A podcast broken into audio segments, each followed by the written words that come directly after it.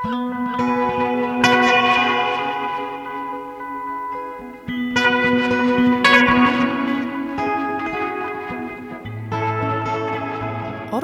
í Skálholti, listasafnið á Akureyri, Reykjavík Dansfestival og myndlist í Norrænahúsinu. Við ætlum að hugað menningarlífin á Akureyri næstu vikur hér í Vísjá. Guðni hjælti leiðangur á dögunum og kynnti sér starfsemi nokkura menningarstofnana í höfuðstað Norðurlands. Í dag förum við með Guðna í listasafnið þar sem hann rætti við Linn Halsson, sapstjóra. Og frá Akureyri höldu við í Skálholt. Þorgerður Ása heimsótti Jón Bjarnason organista í Skálholtskirkju en hann fekk á dögunum menningarverlun Suðurlands. Under Pressure með hljómsveitinni Queen í orgelbúningi, söpnun fyrir nýjum flikli og þjóðsöngur biskupstungnamanna um Kristján í Stekkholti er meðal þess sem að bara góma í samtalinu sem við heyrum hér undir lok þáttar. Reykjavík Dansfestival glatti borgarbúa í liðinni viku með fjölbreytum dansverkum eftir bæði hérlenda og erlenda höfunda.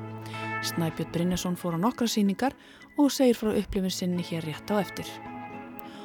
Og Ólaf Gerður Sigfúsdóttir, myndlistarínir okkar hér í Viðsjá, lagði leið sína í kvelvinguna, síningarsal í Norrannahúsinu, þar sem að nú stendur yfir aðkallandi síningum jarfræðileg og jarsöguleg fyrirbæri af ymsum toga. Við heyrum betur af þeirri síningu hér á eftir. En fyrst er það dansin. Snæbjörn Brynjarsson tekur nú við. Síðustu helgi var dansáttíð í Reykjavík. Á meðal listamanna á Reykjavík Dansfestival þennan november má nefna hinn japansk-austuríska Michikazu Matsune, hinn að portugalsku Pólu Diogo, norska parið Ingrid og Lasse, auk Lóvísu Óskar Gunnarsdóttur og Sveinbjörgar Þórvaldsdóttur. Í þessum pisli mun ég fjallum þrjár síningar af hátíðinni En í næsta þætti mun nýr gaggrínandi viðsjár Nína Hjálmarsdóttir segja frá tveimur síningum til viðbótar til að gefa okkur almenna yfirsín á hátíðina. Við byrjum í Tjarnabíó á síningunni Panflautur og Pappisuna, Panflutes and Paperwork sem sínt var á fyrsta kvöldi hátíðarinnar. Það voru þau Ingrid Berer Mure og Lasse Passage sem stóða baki þessari gamansömmu danssíningum. Ingrid er dansöfundur og Lasse tónskáld en þau bæði flytja tónlist og dansa í þessu einfalda en humoríska verki. Ef það mætti líka síningunni við eitthvað þá er það gangverk því tvíegið er eins og sitt hvort tannhjólið sem drýfur hvort annað í stuttum ljóðrænum görningum með langa nánast að segja sketsum þó það sé ekki eiginlegt niðurlag í brandaranum alltaf.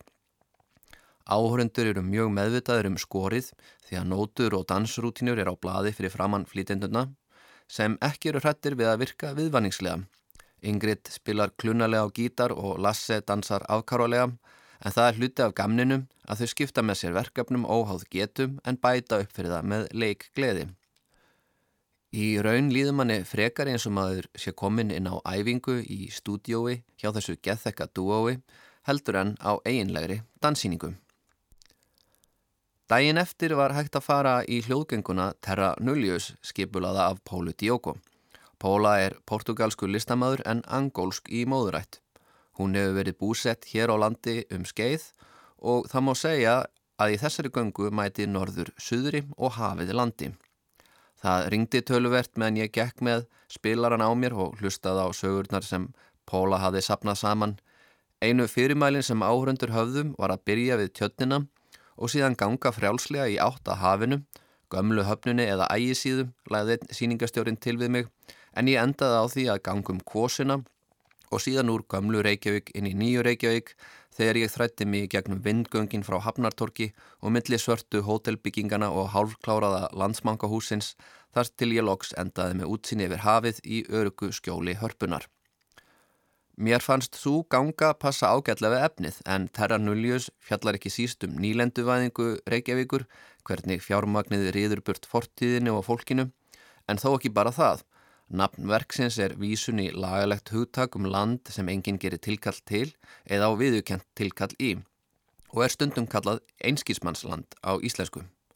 Dæmi um slíkt er einn skiki millir Sútan og Egiptalands er nefnist Bir Tawil en hvorugt landana skilgreinir þessa 2000 ferrkilometra sandauðun sem hluta af ríkinu. Annað dæmi sem Póla nefnir er svo tunglið. En hvað er að eiga land, spyr Póla og kemst að þeirri niðurstöðum að jörðin til er ekki þeim sem sitja sem fastast á henni, heldur þeim sem flakkum hana og tekur þar með afstuðu með þeim sístækandi hópi mannkins sem er á faraldsfæti, oft þert gegn einn vilja. Í gegnum Pólu heyru við vangaveltur listamanna, heimsbygginga og flótamanna en að lokinni síningu fekk maður í hendurna bók eða öllu heldur nokkuð vandaða síningaskrá með ýmsum hugleðingum um búsetu og því að eiga fast eða ekki svo fast land undir fótum. Þriðja verkið sem ég sá á hátíðinu var svo Róf eftir danshöfundin Sveinbjörgu Þórólsdóttur. Umar að ræða solo dansverk þar sem Halla Þórðardóttir fer með aðal og eina hlutverkið. Það er margt frískandi við Róf. Ólíkt svo mörgum verkum sem nýjustu kynnslóður í íslenskum dansi hafa skapað á síðastlinnum árum er ekki verið að leitast við að afbyggja dansin, skreita dansin með texta og postmótninískum vísunum hingað og þangað eða vinna með jáðarsettum samfélagshópum. Það mætti ég að byrja segja að Róf sé pínu djörfsýning með því að voga sér að standa með sinni eigin móternísku fagafræði. Fyrsta sem mætir augum áhóranda er silfraðau dansdúkur sem flæði niður úr loftinum og fram á golf. Kvorki sviðsmyndin ég drunutnar í fossinum eru sérlega frumlegar en Halla rúlar út úr myrkrinu eins og trjádrumbur og fer fljótt að dansa eins og vatna dís í jarðlituðum búningi með fléttu minstri. Júlíana Laura Stengrinsdóttir, sviðismynda og búningahönnuður síningarinnar, hefur áður komið að hönnun fyrir danssíningar, meðal annars Black Marrow með íslenska dansfloknum og Between Us sem sínt var á Reykjavík Dansfestival. Og búningur hennar hendar vel fyrir dans og bætir við ánþess þó að draga aðtekli frá líkama dansarans og hreyfingum hans. Halla flyttur afbræðsvel kóriografíu Sveinbjarkar en það er hún eitt besti dansari sinnar kynnslóðar. Sérilagi fannst mér loka skor síningarinnar hefnast vel en þar mynd hún helst á lifandi strengja brúðum. Halla er þó aldrei aftengt og lifir sér inn í dansina á máta sem dregur áhanda með og sogar hann inn í ringiðu verksins. Mér fannst samt umfjöllunarefni verksins nokkuð óljóst. Þetta er sangkvæmt heimasíðu hátíðarinnar, afrakstur dansrannsóknarinnar, öll hreyfing hefur huga í tíma og rúmi sem hefur það að markmiða að tengja innra ástand líkamanns ákveðnu hugar ástandi í tíma við hreyfingu og kóriografíu. Svo virðist sem yfirlýst markmið hafi verið að finna aðferð til að fanga tíman í ákveðnu hugar ástandi og gefa honum form með gildislaðinni yfirlýsingum. Halla náði svo sannlega að holgera tíman og segja eitthvað sem ég mun ekki koma í orð heldur þýrt að dansa það. Róf er fallett verk sem skilur mikið eftir sig, þráttur er að tenging millir vass og tíma sé ekki íkja frumleg og ljósaskiptingar í verkinu hafi verið óþarlega hraðar. Það kom ekki að sög því að koreografjan var fyrna sterk og flutt af innlifun og fagmennsku. Reykjavík Dansfestival er á ákveðnum tímamótum í ár. Háttíðin er við lok sinna úlingsára til hennar var stopnað árið 2002 og verður hún 20 ára á næsta ári. Fyrsta áratvíðin sveiplaðist hátíðin til í stefnu og gæðum en var ávalt hápuntur ársins fyrir sjálfstæðu danssennuna. En hún tók stakkarskiptum þegar Áskjörður Gunnarsdóttir og Alexander Roberts urðu stjórnendur hennar 2014. Undir þeirra listarinnu stjórn hefur hátíðin fært út kvíarnar, dreift starfsemi sinni yfir árið, skapað ólíklegar og augrandi tengingar við önnur listform og kryttað þetta með því að flytja inn spennandi og óhefbundna danslistamenn. Nú í ár hefur annað par, þau Brógan Davison og Pétur Ármannsson tekið við og núna má greina þeirra áherslur í dagskrá háttíðarinnar. Þeirra fyrsta háttíð lofar góðu fyrir framhaldið. Hér er ekki um óvenda stefnubreitingu að ræða þar sem silt er hart í bak en það verður spennand að sjá hvert dansflegið mun stefna á næstu árum og hvar Brógan og Pétur munu sigla í höfn. Sáði Snæbjörn Brynjarsson um nokkra síningar á Reykjavík Dansfestival. Við fáum að heyra fleiri síningum á hátíðin á morgun en þá segir Nína Hjálmarsdóttir frá. En Nína er nýr leikursýnir okkar hér í Vísjá frá með morgundeginu. En úr dansinum hér í höfuborginni höldum við í höfustad Norðurlands. Vísjá er komin norður yfir heiðar og við erum komin í höfustad Norðurlands Akureyri. Í dag og næstu þrjá mánudagan þá ætlum við að heyra aðeins í nokkrum eh, fórstöðumönnum menningarstofnanuna hér í bænum. Við byrjum á því að kíkja inn á listasafnið, listasafnið Akureyri, þar sem að Linur Hallsson safstjóri. Safnið, já, það er nokkuð breytt í útliti allavega vegna þess að hér upp á efstuhæðinni er núna verk komið upp á útvekkin sem stendur undir heimar Akureyrar að verka til Ragnar Kjartansson, myndlistamann setur nokkur svip á sapnið sem auðvitað er orðið glæsilegt eftir nýlegar breytingar. Við kíkjum inn og ræðum við Lín Hallsson. Línur, takk fyrir að taka á mótið mér. Bara sjálfsagt mál. Ég veit ekki, við erum eiginlega í svona hálgeri vísitassu bara hérna á milli nokkura menningastofnana í bænum. Eh, það er núna komið smá reynsla á hjá okkur svona þess, allar þessar breytingar sem hér voru. Hvað er langt síðan að sapnið opnaði svo við fáum þá reynd? Það er bara rétt rúmlega þrjú ár. Við opnum þess að á 25 ára ammælisapsins 2018 í lók ágúst þá opnum við svona nýtt og stærra og endurbætt listasafna. Það er búin að vera skrítin tími síðan, skulum alveg segja það, í hérna, lífi allra menningarstofnuna. En hvernig svona vensta að taka þetta húsnæði í gagnið og reka það svona frá degi til dags í rauninni? Það bara hefur gengið ótrúlega vel og bara mjög skemmtilegt og skemmtilegast eiginlega sko hvað uh, gestir eru ánaðir með safnið. Uh, finnst það að tekist vel til að, að gera upp þetta gamla hús, þetta gamla mjölkursamlag og, og tengja það við, við ketilhúsið og, og uh, aðstæðanu þetta stór bætt með fjórðuhæðinni með nýju sölunum þar. Og uh, um, já og ég menna aðstæða fyrir starfsmennar auðvitað líka miklu betri, við erum komið með góðar geimslur og, og svona miklu betri aðstöð fyrir hérna mótöku verka og svo er, er, er hérna samkennslurýmið eh, vel nýtt, við erum búin að stækka það segja aðeins eða svona út, útvíka það af því að það var bara þörf á því. Mm.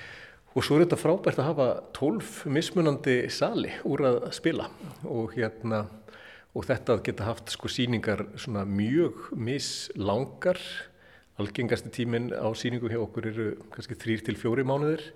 Sumar eru jáfnvel ennþá stittri Og, en síðan eru, eru sumar síningar í hálft ár og, og, og aðrar í eitt ár og svona lengstu síningarnar hjá okkur þær uh, voru sem sagt í, í, uh, já bara í náður næstu því þremur, þremur árum.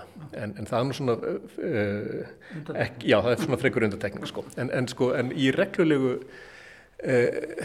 svona síningarhaldi hjá okkur þá eru við með nokkra síningar sem að hérna eru alveg í heilt ár og það er þá yfirleitt svona einhverja sapnegna síningar eða, eða síningar frá öðrum söpnum en uh, yngri listamennir eru, eru með, með þá stittri síningar og, og hérna og, og, og aðra síningar svona einhverstaðar þarna á milli.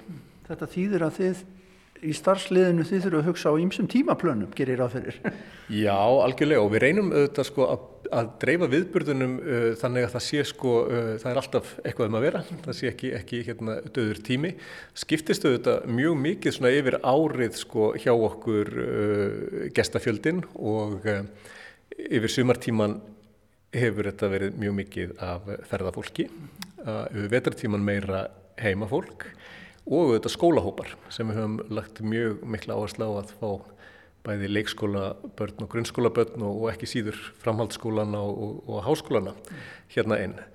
Og sko yfir vetratíman eru við líka með þessar fyrirlestraræðir, þriðudagsfyrirlestrana og þess á milli eru við með fjölskyldu leiðsagnir og þetta leiðsagnir í, í hverju viku, listamannaspjall, við höfum aðeins prófa okkur áfram með svona málþing líka inn á milli uh, með málþingum Þorvald Þorstensson og síðan um Annoel núna fyrir skömmu mm.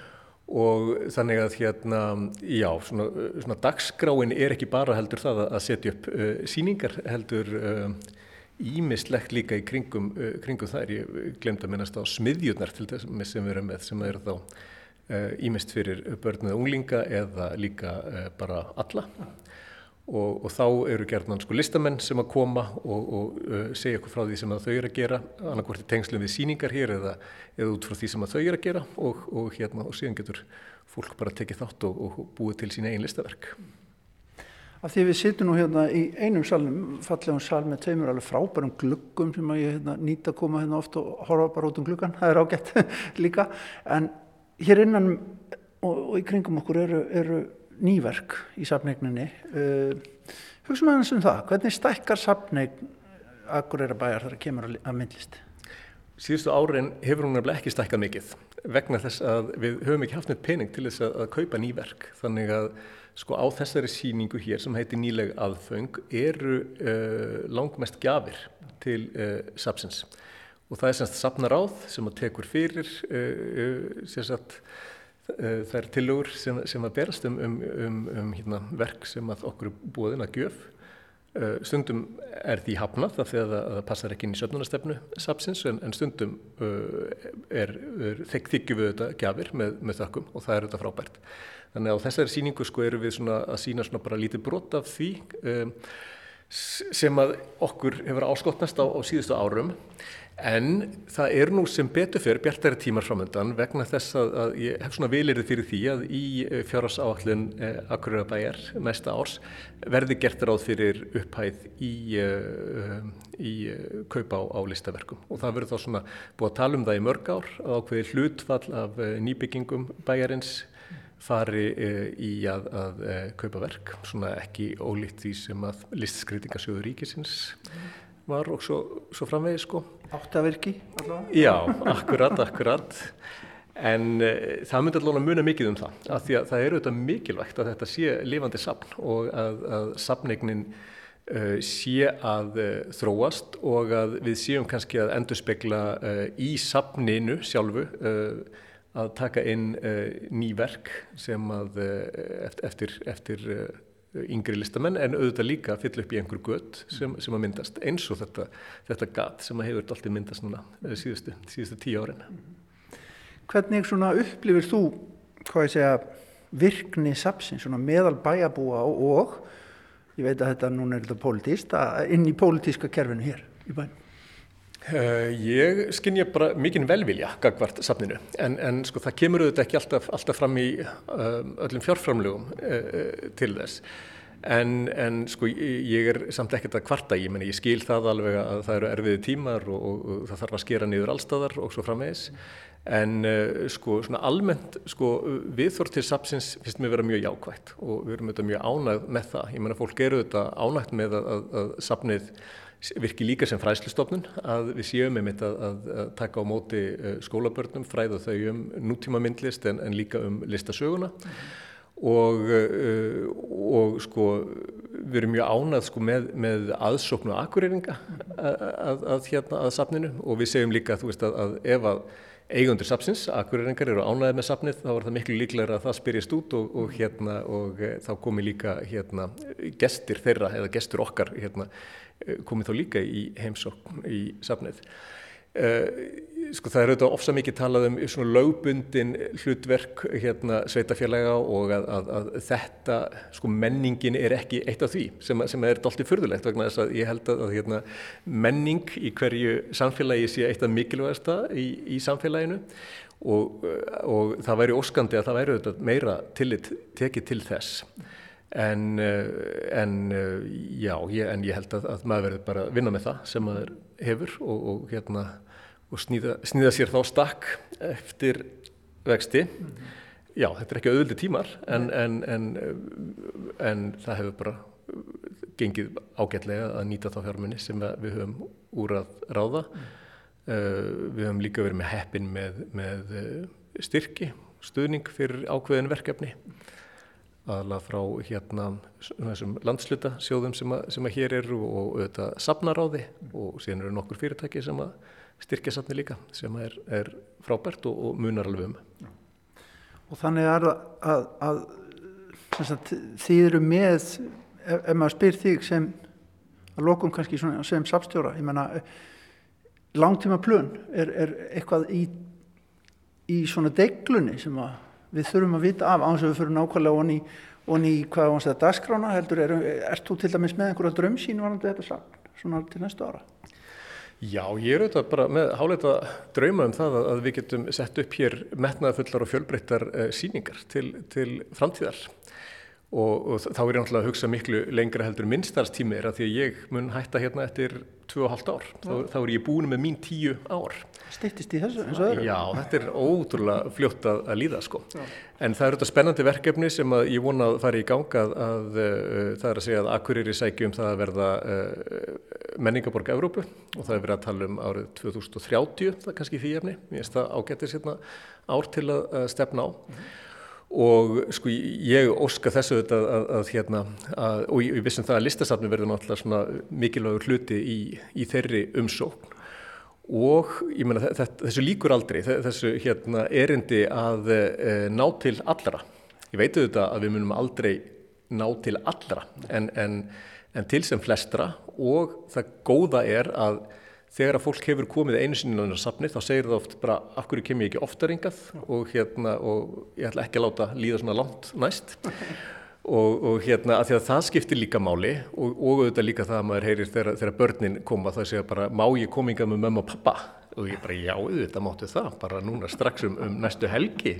Við verðum velkomin. En frábær förning já alveg. Og hérna og börnir eru náttúrulega mjög góðir hérna sendiherrar hérna listarinnar. Ja að því að þeim, þau bara upplifa svo oft einhvern, einhvern galdur og eitthvað spennandi og sjá nýja hluti og, og, hérna, og ennþá betra ef að þau geta síðan hérna, sínt uh, eh, eh, fóröldum sínum og, og hérna, uh, frætt þau um það sem að þau hafa fræðstum. Mm. En já, ég held að, að hérna, bara framtíðin sé nokkuð björnt það sem er hins vegar mjög mikilvægt fyrir sko í svona þessu stóra samhengi hérna um, lista og kannski myndlistar hér á Akureyri er að hér uh, verði uh, upplugt háskólanám í, í listum. Ja.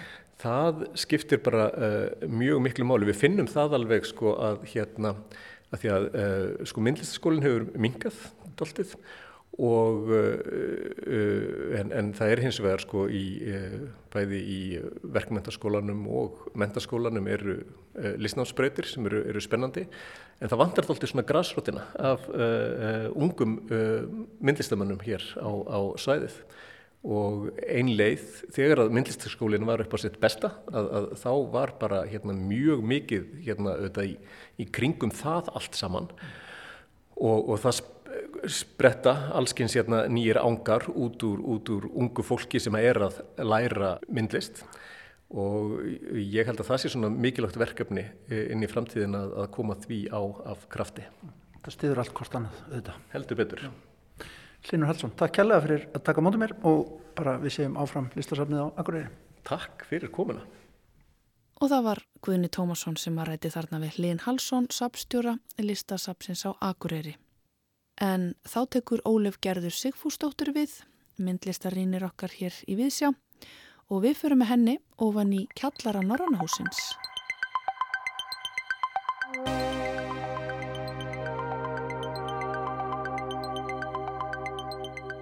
Í kvelvingunni, síningarsal Norrannahúsins, stendur nú yfir myndlistasíning undir yfirskriftinni Time Matter Remains Trouble.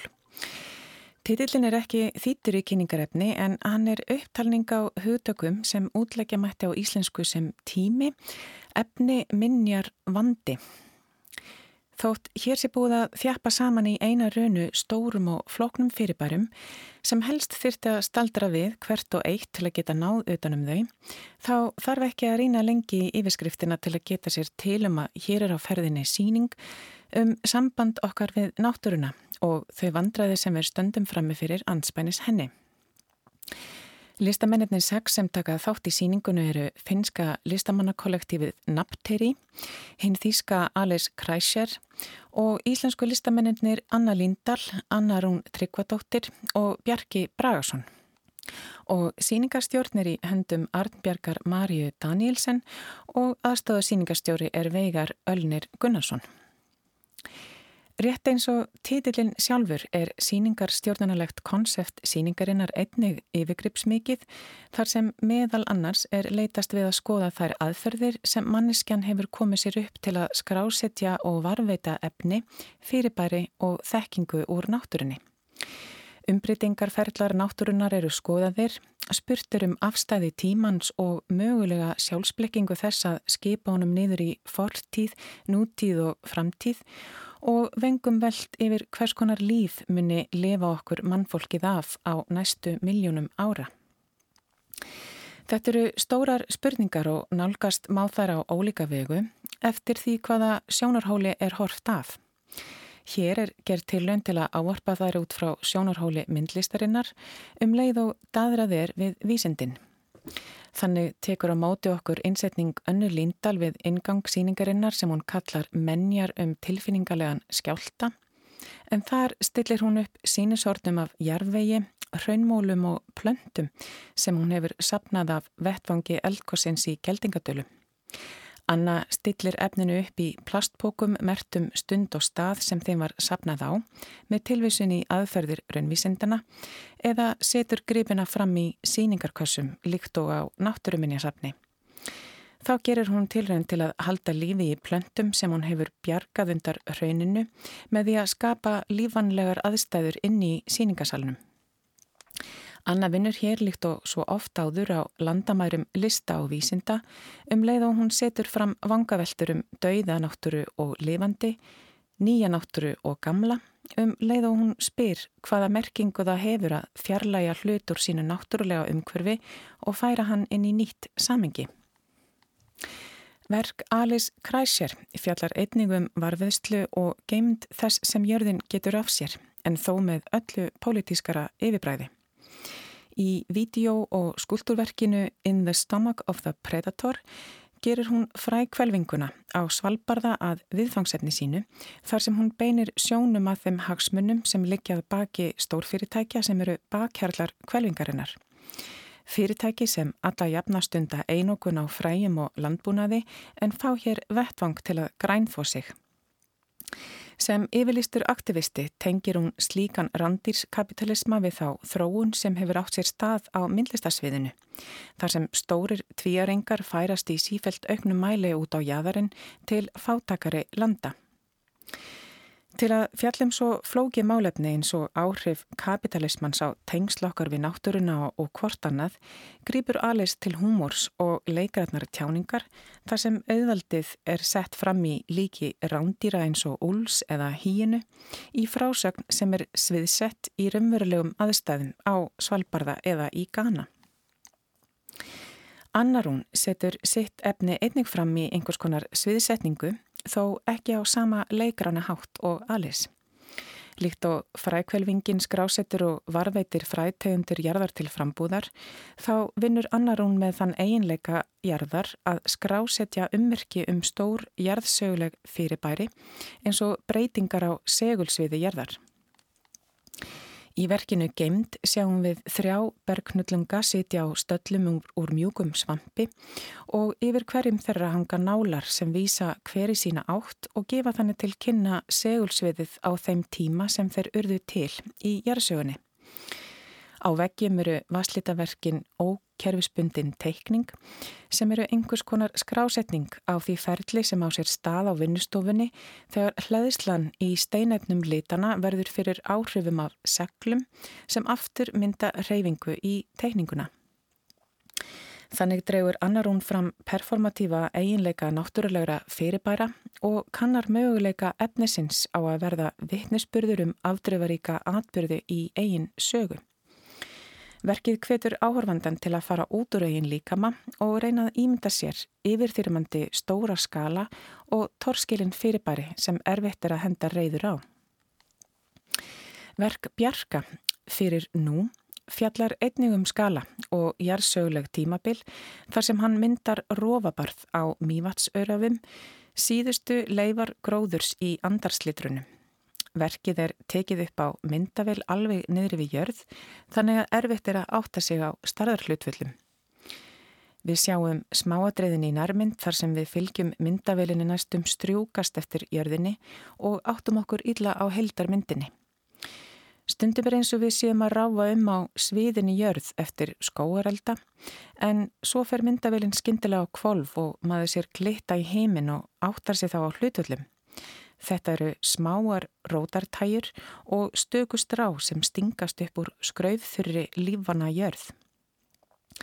Bjarki sínir vídjóið rátt án allra effekta með hljóðrás sem eigur á domstagstilfinningu með nöturlegu vindgnöðinu. Það er ekki löst við að hér fáum aður tilfinningu fyrir missi um vittnisspurðum eitthvað sem var en er ekki lengur og kannski má greina hér einhvers konar löngun til endurheimtar eða björgunaraðgerða líkt og í verki Önnu Líndal. Það er kannski helst verk finska teiminsins Napteri þar sem einhvers konar framtíðarsýn er sett fram í tengslum við örlögjarðar. Í stórri innsetningu eru settir fram fundnir hlutir úr nærumkurfi Norrannahúsins, mest megnis rusl eða rótnandi hlutir sem mist hafa hlutverksitt. Hlutirnir hafa verið hjúpaður bívaksi og heimdur upp á víð og dreif í rýminu, líkt og steingerfingar framtíðarinnar. Í spekulatífu kvikmyndaverki skoðuðu tengslmilli manngerður að hluta, náttúrunnar og stafrætna objekta. Verkið snertir á heimsbyggilegan hátt á pælingum um tungumálið og tengslmilli orða og hluta þar sem ólíkum textabrótum er skeitt saman í eins konar bútasaum og framburður er bjagaður. Þarna hafa hlutir skólast til og merkingin orðin óræð um leið og unnið er með þið kunnulega. Líkt og í öðrum verkum á síningunum á hér finna fyrir hugleðingum um manngerða náttúru anspænis sjálfsbrottinni og hvar mörg náttúru og ónáttúru liggja. Verk allra listamannana sex skapa áhugaverða heild þar sem litlar sneiðmyndir fremur en einn stór heildarmyndir eru settar fram. Vegleg rafræn síningaskrá þykir svo síninguna enn frekar og er í raun mikilvægt hjálpartæki fyrir áhörvendur til að átta sig betur á verkonum og hvernig þau ávarpa þær spurningar sem settar eru fram í innrömmun síningarinnar. En síningin er miklu meira en samsapn verkana sem er að finna í kvelvingu Norrannahúsins. Hér er augljóslega verið að vinna með þá tegund af síningarstjórn sem nær út fyrir síningastæðin sjálfan þar sem vettangur er skapaður fyrir frásagnir af öðru formi en formi listaverka. Viðbyrðadaskra síningarinnar er ríkuleg og samanstendur af viðbyrðum af ýmsu tægi meðal annars vandari dasgráröð í samstarfi við stopnun Sæmyndar Fróða við Háskóla Íslands. Viðbráðuröðin er sett fram undir yfirskriftinni Sjálfbær samrunni, samtal lista og vísinda um sjálfbærni þar sem blandaðir saman fræðilegum erindum, listrænum uppakomum, persónulegum frásögnum og umræðum sem á einn eða annan hátt fjalla um lausnir og leiðir að sjálfbæri þróun. Það sem viðburðum hefur verið streymt í rauntíma auk þess sem hægt er að skoða upptökur á Facebook síður Norrannahúsins og þannig nær síningin til enn starri hóps áhörvenda. Þessi samsuða áleitina myndlistaverka og ríkulegar viðbröðaskrár gerir þessa síningu að mikilvægu framlægi til umhverjusvandans. Þótt síningarstjórnanilegi rammen sé eiginlega yfirþyrmandi stór, þá má líta á verk listamannana og innleikinni viðbyrjadaskrani sem merkingabærar tillegur að frásögnum. Samanlagt mynda þessar frásagnir fjölbreytta verkvarakistu sem okkur stendur til bóða til að skilja, skinja og greina með. Svo lengi sem við leggjum okkur fram við að hlusta. Saði Ólöf Gerður Sigfúsdóttir um síninguna Time Matter Remains Trouble í kvelvingunni í Norrannahúsinu. En úr Norrannahúsinu liggur leið okkar í Skálholt og Þorgerður Ása Adalsteinsdóttir heimsóti Jón Bjarnason organista í Skálholtskirkju en hann fekk á dögunum menningaverlun Suðurlands.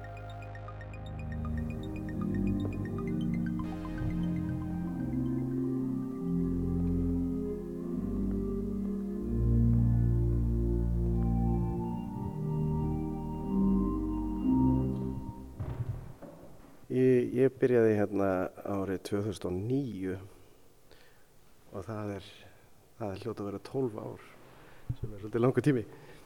Akkurat. Hérna, og þú hlust nýlega menningarverlun Suðurlands. Getur þú sagt mér svona hvaða þýðingu það hefur fyrir þig og, og starfðitt hér? Já, það, þetta er alltaf bara frábæri viðkenning að fá svona velun. Ég vissi, það hefði ekki hugmyndum þetta bara þetta veri yfir höfu til þannig að þetta er náttúrulega bara rosalega sínir að maður kannski að gera eitthvað rétt í þessu maður er náttúrulega mjög heppin að vera að vinna á svona mögnuðum stað og fer við það hérna í kring og, og það er bara rosa heiður að fá svona velun. Óskalauðin við orgelið. Getur þú sagt mér eins frá því verkefni? Já, það er svolítið gaman að segja frá því að hérna, framkvæmtastjórin hérna, Herdís í Skálaldi, hún kom með þessa hugmynd. Ég er náttúrulega búin að vera að spila fyrir fermingabötn og aðra öll möguleg og ómöguleg lög á orgelið og þá kom þessi hugmynd að bjóða bara upp á viðburð þar sem að fólk geti bara komið og, og valið lag af skrifaði nýður svona rúmlega hundra lög úr öllum áttum alveg frá klassík og, og upp í þungarokk og allt þar á milli og, og fólki býðst líka að syngja með. Að þessi hefur verið rosalega vel tekið og við erum múin að gera þetta frá því sumar byrjuðum þá. Og þegar fólk var í sumarfríi og mætingi var rosalega góð komum stundum yfir hundra manns. Síðan kláraðist sumarið og þá færðum við ykkur yfir á förstudagskvöld ég held að ég sé búin að vera í 12 eða 13 förstudagskvöld í rauð með þennan viðbyrð Og er ég góð meðting á þeim tíma? Já, kannski ekki alveg eins góð en að því að þetta er náttúrulega út í sveit og, og það er kannski ákveði margir sem að búa hérna og ég veit um eina sem er búin að mæta nýju sinnum Okay. þannig að það er Og, og beður hún kannski alltaf um samanlag? nei, ekki alltaf Nei. Þannig að þið, þið ætlaði að halda ykkur við þennan tíma, föstudagskvöldin. Mm, Við erum reynda komin í pásu núna. Nú er aðvendana bara að byrja og, og það er eiginlega endalaust mikið af viðbörðum og, og hérna já, það, þetta var bara orðið fínt í byli en svo aldrei að vita nema við byrjum bara á næsta ári kannski næsta sumar. Þannig að það er ágætt að taka smá pásu í þessu líka. Einmitt. Og uh, nú stendur yfir söfnun fyrir nýjum flíkli hér í Skálholtskirkju, heyrði ég. Já, það er náttúrulega bara orðið löngu tímabært að, að eiga góðan flíil í þessu húsi sem er náttúrulega löngu búið að sanna sig sem eitt flottasta tónlistahús á Íslandi. Vissulega er þetta ekki píjan og tónleikahús en það hefur bara sannað sig að það hefur oft þurft að koma með hljóðfæri til þess að spila með kórum og annað sem að koma í heimsón og þetta myndi náttúrulega bara íta undir þá nótkunn sko. Einmitt og kannski bara enn meiri kvartning fyrir tónlistarmenn að koma og halda tónleika ef það er gott hljóðfæri hér til að grípa í. það er bara ekki neinn spurning sko. það er bara þetta er alveg þvílík liftistöng og mikilvægt að fá góðan flíil hérna Og hvað kostar svona gripur um það vil? uh, það, fer- það er alveg á bylinu sko ég að segja 8 til 20 miljónir svo er bara að velja svona þetta er ekki, ekki sama stærð og er í hörpu af því að þetta er minna hús og miklu, miklu meiri hljómur hérna þannig að ekki segja 10 miljónir væri glæsilegt hérna Einmitt. Og hvernig gengur að safna? Heyri, það gengur bara ágætlega. Þetta er nú svona þar á stað og, og hérna, það er gríðarlega góður áhugi fyrir þessu og við vonum bara að þetta gerist sem fyrst. Og hvað, eru þið með tónleikaraðir sem hluta af fjáröflun eða, eða hva, hvernig fer þessi safnun fram? Fólk náttúrulega má styrkja þetta alveg bara hvenna sem er. Já. En við höfum verið með tónleika sem að við tilengum þessari söfnun. En því miður út af COVID þá hefur við búin að fella niður nokkra viðbyrði sem að áttu að vera. En þeir verða vonandi bara sem fyrst. En þú kannski bara segja mér aðeins frá sjálfum þér og hvernig þú endaðir hér. Já, ég er fættur og uppalinn í Skagafyrði og þar lærði ég á píano frá ég var 7 ára. Nánar tiltekið út á austan og rétt hjá Hofsósi. Þar lærði ég á píano og kláraði áttundastygg þar og var náttúrulega rosalega heppin með píanokennara sem komu hérna alveg frábæri, frábærir píanokennarar í Skagafjörðin sem er magnað og sá sem að kendi mér, eða kláraði, ég kláraði áttundastyggi hjá, hann býr ennþá í varmalið og hann er doktor Tómas Heggersson, heitir hann. Er hann þá doktor í píanuleik?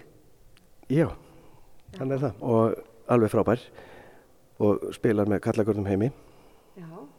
Sá sem var á undan honum heitir Richard Sim og hann, hann spilaði líka með kallagörnum og er held ég alveg frábær. Og, og vinnur hjá listaháskólanum ef ég veitir rétt núna, hörku pianisti síðan fer ég í tónlistaskólinn í Reykjavík og þar kláraði ég piano kennaranám og eiginlega á sama tíma fór ég í tónskóla þjóðkirkjunar og læriði á orgel. Þannig að tónlistin er bara mitt líf og ég er mjög heppin að geta lifað á því að gera það sem ég finnst skemmtilegast. Fórstu beint hingað eða starfaður eitthvað annar starf sem organisti áður? Ég var í sex ári í Seljakirkju á endan og það er frá 2003. Og býrðu hérna í nákvæmlega eða kerur á hverjum degi? Er ég bý á laugavatni og já, ég kem hérna á hverjum einasta degi. Hvernig er dagur í lífi organista eða, eða kannski allir heldur vika í, í lífi organista í Skólahaldskirkju? Já, hún er mjög skemmtileg, fjölbreytt. Uh, ég stjórna tveimur kórum, frábærum kórum, uh, skálháskórnum og söngkór meðdalskirkju sem er á laugarvatni og sákór er alveg að detta í 70 ár og þar eru þrýr sem eru búin að vera frá upphæfi. Við byrjuðum mjög ungir, þannig að eh, við heldum að við byrjuðum 12-14 ára, flestir, þannig að reikniði nú. Svo, er, svo spila ég einni á piano með Kallakur Selfoss, þannig að það er svona aðeins fyrir utan fastastarfið, rosalega gaman. Já, svo fellur eitt og annað til, þannig að það þarf að undirbúa allt þetta. Hvað er svona vinsalasta leið í þessu, hérna, þessum samsöng, hérna, óskalögin við orgelið? Heyrðu, já það er nefnilega svolítið merkilegt. Það er Víkivaki eftir Valgeir Guðjónsson. Já. Sunnan yfir sæðin, breyða. Og fast á hæla því kemur Bohemian Rhapsody, Queen. Já, fáum kannski að heyra tóndæmið. Það þarf ekki endilega að vera sér vinsalstuðum, þú, þú mátt velja bara. Ég kannski spyr frekar bara hvað er uppáhaldslægið þitt? Ég get ekki svarað því. það er ekki hægt að gera upp á milli. Ég er rosalega aðlæta á tónlist og finnst þetta allt skemmtilegt. En vilt þú ekki bara koma með óskalag? Þetta er svona eins og í karaoke. Maður bara segir númer. Það eru báðum hliðum. Já. Ok, ok. Ég er mjög forvitin að vita hvernig Under Pressure með Queen hljómar á orgel. Já, það er mjög spennandi. Og það reyndar einu ég beðið um þetta fyrir mistök. Nú, vitu. Það, sérst, það voru númer, en svo voru þau ekki eins á blöðunum, sko. Þannig að það var beðið um númer og ég sé Under Pressure, en þá var það næsta númer við, sko. Þannig að, þannig að ég spilaði það og svo kom á eftir. Nei, það var verið að meina annað. já, já. Það voru ekki spilað, það voru til jarðaförur eða eitthvað slúðis. Nei, reyndar ekki. ég hef oft byrjað á vittlusu lægi, en þá pikkar alltaf einhver í mig og þá get ég snúið yfir í frumlegt forspil að réttu lægi. Einmitt þá í messum eða aðtöfnum? Aðtöfnum, já, og messum. já, já.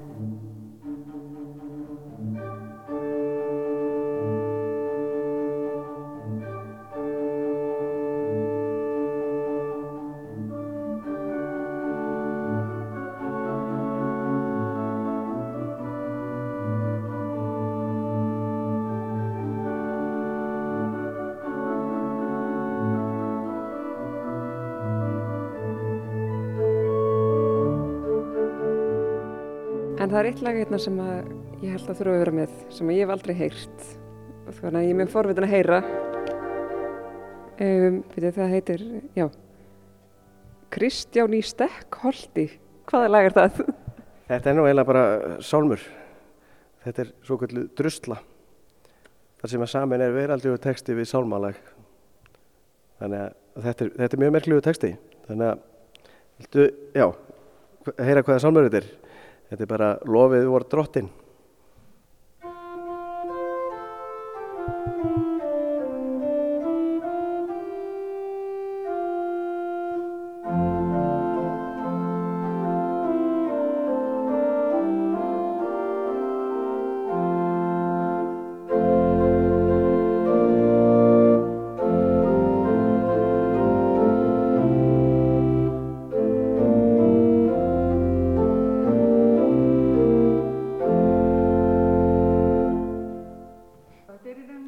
Kristján sko, hann var sapnaðar fulltrúi. Já, þetta er í rauninni svona, ég veit ekki hvort þetta er nýðvísa, en þetta er svona... Húskjóta meirinn um ljóskjörtla. Býtu hver var þessi maður? Kristján í Stökkálti.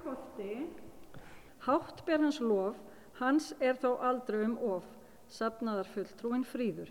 En málið er að sko hann átti svo rosalega ljóta meri og hann fór alltaf svo illa þannig að þeir sungu lægið eins og þetta væri allt svo flott sem það var ekki. Mm -hmm. En þetta er sem sagt sungið um hann og þetta er alltaf sungið í réttunum og virkilega flott hvernig þið rætta þetta. Ég get ekki því miður ekki sungið við getum sungið að myndi syngja en ég get ekki sungið. Og hvernig var, var þessi maður uppi? 1862 til, til 1930 og bjó í Stekkholti í Biskupstungum til 1915. Einmitt, þetta var Herdís Fridriksdóttir, framkvæmdastjóri Skálholt sem, að, sem byrtist skindilega þegar minnst var á Kristján í Stekkholti og gætt sagt okkur sögun á honum. Ég svo sem veit ekkert mikið um Kristján í Stekkholti. Eina sem ég veit er að söngurinn um Kristján í Stekkholti er þjóðsöngur biskupstungnamanna og hvenna og alltaf þegar minnst er á hann eða þegar einhver byrjar að raula þetta lag þá hópast fólk saman og tekur undir og, og alltaf margratað þannig að þetta, þetta er mjög skemmtileg eh, já, eins og Jón kallaði það drusla. En er, er eitthvað fleiri sem þú vilt bæta við fyrst? Þú laumaðist hérna inn í kirkuna? Mm, já, ég hérna komi náttúrulega í þeim tilgangi að, að hvetja fólk til þess að koma í skálholt. Einmitt margir þeir hafa komið ynga allavega einu sinni í kringum fermingu og finnst þeir kannski vera bara búinir að koma yngað hérna, af, af hverju ætti fólk að koma yngað aftur? Já, þetta er góða punktur. Það eru nefnilega margir sem að hafa sagt þetta við mig. Segja ég hef nú ekki komið í skálholt séðan ég fermtist og þá spyr ég nú af hverju hefur ekki komið síðan? Og þá segir ég, ég bara vissi ekki að það væri eitthvað þarna. En málið er að þessi staður geymir svo mikla sögu og ef fólk hefur einhvern sögu sem náttúrulega mjög margir íslendingar hafa þá ættu þér sannlega að koma hingað og kynna sér eins og til dæmis bara sapnið sem er í kjallaranum. Koma hérna fyrirlestra og, og málþing og í fræðslagöngur sem eru í bóði og svo er það bara að koma og sittast inn í kirkuna og njóta þess til dæmis að horfa á aldaristöflunina Nínu Tryggvadóttur horfa á gluggana hennar Gerðar Helgadóttur og ef að sólinn skín þá er aldeilis ástæða til þess að bruna austur vegna þess að þegar að sólinn skín þá skínar í gegnum gluggana og, og hérna baða allt hérna í lita dyrð sem er mjög, mjög fallit að sjá. Og það er sérstatt fyrir mig, ég hlaup alltaf út þegar sólinn skín og bara til þess að horfa á þetta og, og þá hugsa mér, ah, akkur er kirkjan tóm, akkur er ekki fleiri að njóta þess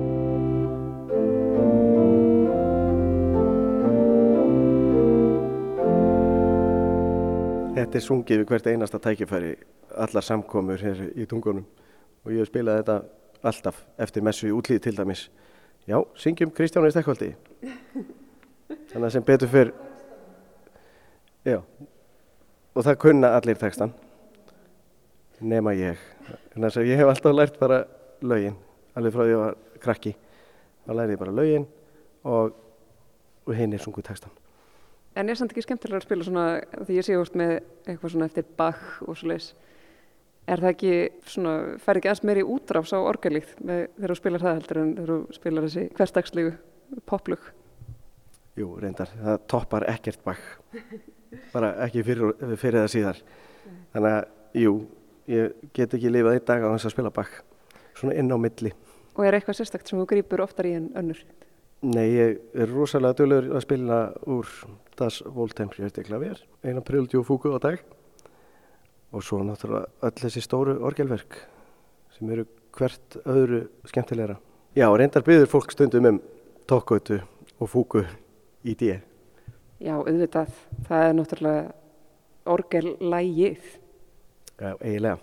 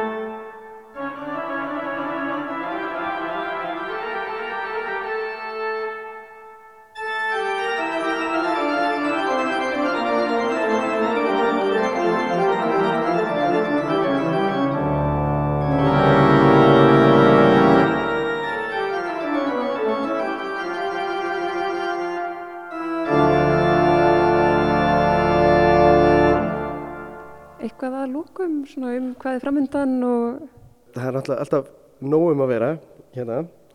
Við spilum til dæmis myndir á síningu eftir Mussorgsky, frægaverk, fyr, uh, í útsendingu fyrir orgel, trompet, kontrabassa og fiðlu. Hverjir spiluð á tónleikunum? Heyrðu, þeir voru með mér Jóhann Stefansson, trompetleikari, svo fengum við tvo meistara úr symfónilúsettinni, uh, Pál Palomares, fylgusnýtlingur og með honum var Sun sem að leiðir, leiðir kontrabassadeildina í Symfó, hann er frá Kína, alveg frábær bassaleikari. Síðan er líka gaman að segja frá því sem að verður aðeins meira fjör að það er í fyrsta skiptið jólavaka hérna í hótelinu og þar verður jólamatseðl og lifandi tónlist þar sem að ég mun spila óskalögin á píanóið. Já, en skemmtilegt. Og jólavaka, er það, er allir vaka langt fram á nótt eða? Já, það var meiningin en, en það má kannski ekki út af, út af, út af dollu. Já, meina það. Takk fyrir að taka mótið mér hérna í Skálholti. Takk fyrir komina.